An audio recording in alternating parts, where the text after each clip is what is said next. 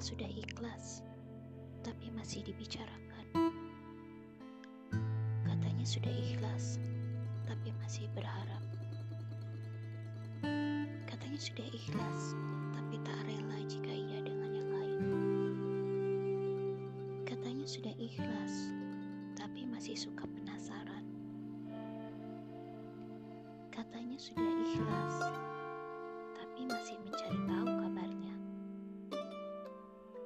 Sudah ikhlas, tapi masih suka